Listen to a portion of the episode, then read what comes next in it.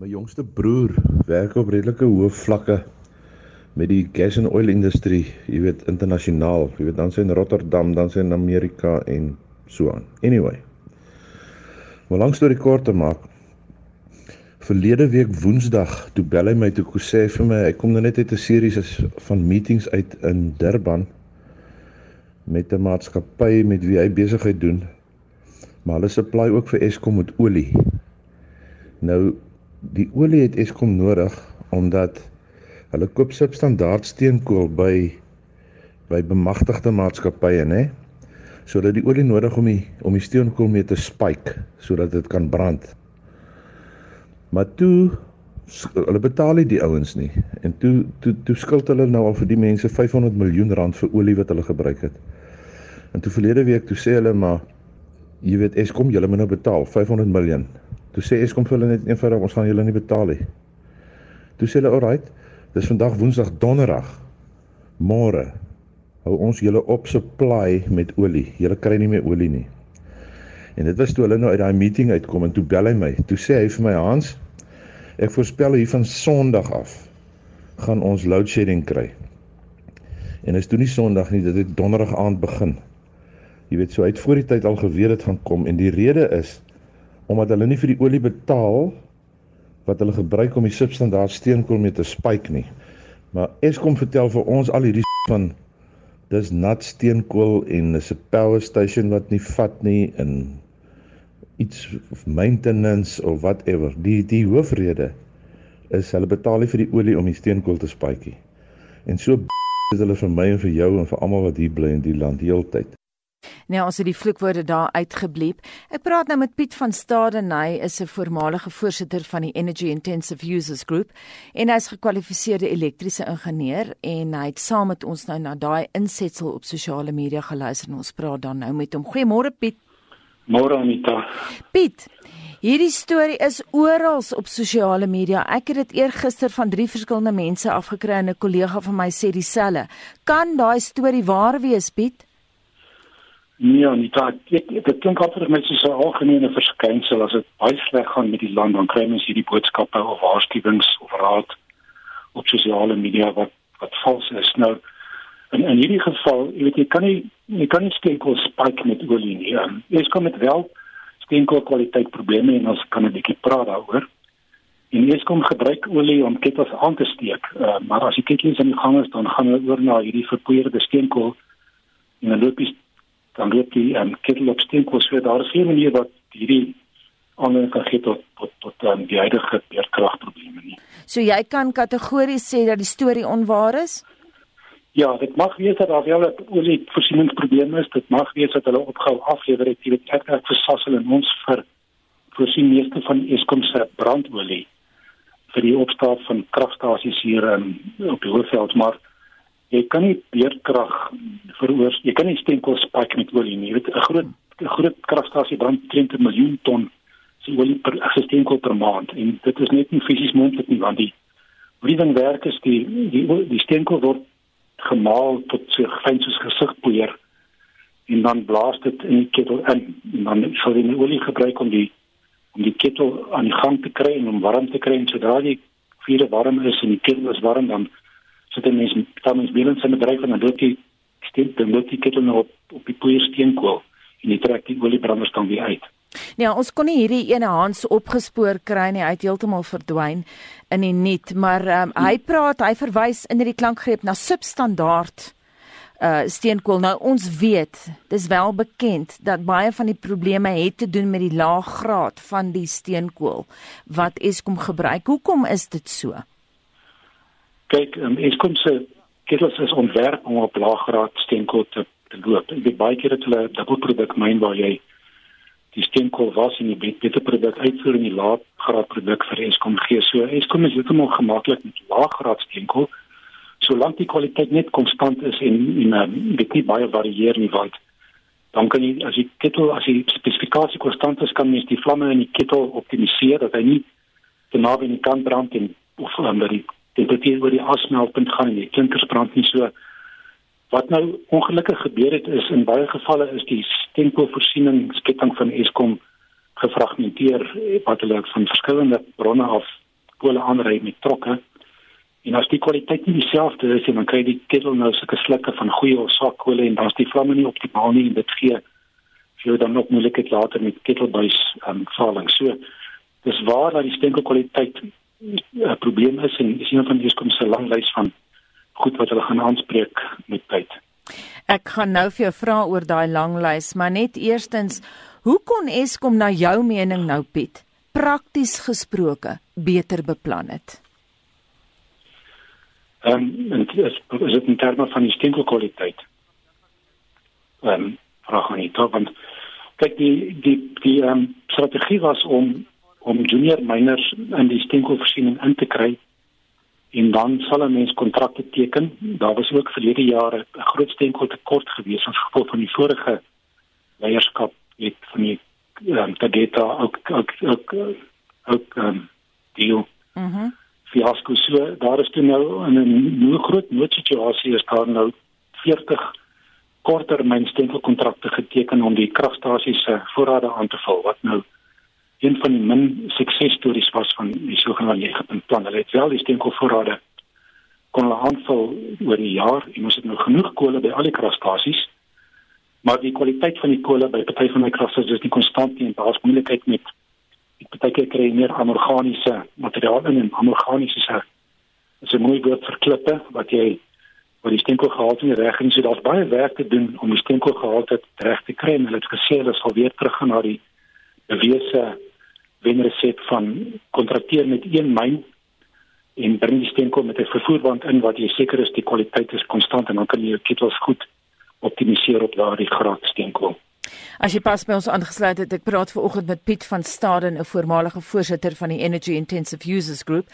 Uh ek wil net terugkom jy het nou-nou gesê dat daar is 'n lang lys foute wat Eskom gemaak het. Kom ons kyk 'n bietjie na daai lys. Kom ons begin by die grootste enkele fout. Nog ek dink nie ons het genoeg tyd in jou program hier voorheen nie. Maar ek dink as jy teruggaan die ding het al 20 jaar terug begin toe Eskom ehm die volgende kragstasie wou bou en die regering toe gesê het nee, julle kan nie ons wil ons het 'n plan om om privaat kragopwekking in te bring wat en ehm um, dit het toe nog nie gewerk nie vir verskeie redes en toe is kom dan in 2004 wel die mandaat kry om te begin werk aan die volgende kragstasie was te laat gewees. Toe is die werk uh, toe is die wat is doen front-end loading die voorbereidingswerk vir die Medupi en Kusile kragstasies moes baie vinnig gedoen gewees het. Ehm um, dit is ook maar my mening foutief gewees om te gaan vir hierdie grootste in die wêreld mees komplekste ehm um, kragstasies hou so eerder wou sien hulle gaan vir standaard soos van die rak af eenvoudige tegnologie wat jy vinniger kan bou. En toe die projekte self was net een lang nagmerrie van van herwerk, politieke inmenging, swak kwaliteit, arbeidsprobleme, later prese by korrupsie. So so ons kan baie lank praat oor die oor die probleem rondom die Medupi en Kusile projekte wat nou uiteindelik einde se kant toe staan. Maar selfs nou is daar nou nog steeds werk wat gedoen moet word om die ontwerpprobleme reg te stel en um, ons het gister met met Jan Obrol se gesels ek dink met die BN kom nou maar Januarie af versekerde ehm um, modifikasies wat hopelik aandag sal stel om sy volle kapasiteit te bereik. Nou terwyl al hierdie lenings in gang was, moes die bestaande vloot nou natuurlik harder werk om die ligte aan te hou en daar was ehm um, die ketels is oor hulle vermoë bedryf baie keer om die met hulle praat van die emergency load one waar die waar die kettels baie hard bedryf word om die ligte aan te hou. Nou dis is 'n ou kar wat jy teen 'n baie hoë spoed ry. Die ding gaan definitief breek. En dit het nou so sleg geword dat ons by die punt is waar die toerusting glad nie meer betroubaar is nie. En dit kom dan net ehm met vier doodsvang altyd. Hulle hulle doen wel 'n standhouding. Jy weet die storie van hulle doen nie 'n standhouding nie waar nie. Hulle het omtrent 5000 megawatt permanent uit op instandhouding maar mense wat kyk na die kwaliteit van die instandhouding um, gaan ons hierden gedraai kry ek sien hulle vra nou vir 5000 megawatt nou, ek weet nie of hulle die kapasiteit is so baie instandhouding te doen nie. So ons het 'n intense uitdaging voordat ons uit hierdie beedkragkrisis uit gaan wees. Net kortliks wat is die grootste enkele les wat hier te leer is? Ehm um, ek dink wel daar sou baie dit sou amper moeilik wees om die een maar die maar die fundamentele binnestad ons het toegelaat dat ons in 'n situasie beland het waar waar ehm um, waar ons nie die standaard kon doen nie en ek dink ook 'n ander groot fundamentele probleem is kundigheid. Jy weet dit is dit is ehm um, dink ons kan maar mekaar sê daar is baie vaardighede en institusionele kennis verloor met met regstellende aksie by Eskom. En daar is ook onlangs met die skoonmaakproses om van al die korrupte amptenare ontslae te raak, is daar baie van die mense wat in die pad gesteek is, is ook mense wat die stelsel verstaan. So ons sit nou met mense wat baie hard werk en ek het ek het simpatie met met met Eskom. Hulle hulle het nou wat van die bestuur. Hulle het 'n ding geërf wat baie moeilik is en hulle aanvaar verantwoordelikheid, maar eintlik is dit die sondes van die verlede wat ons inhaal.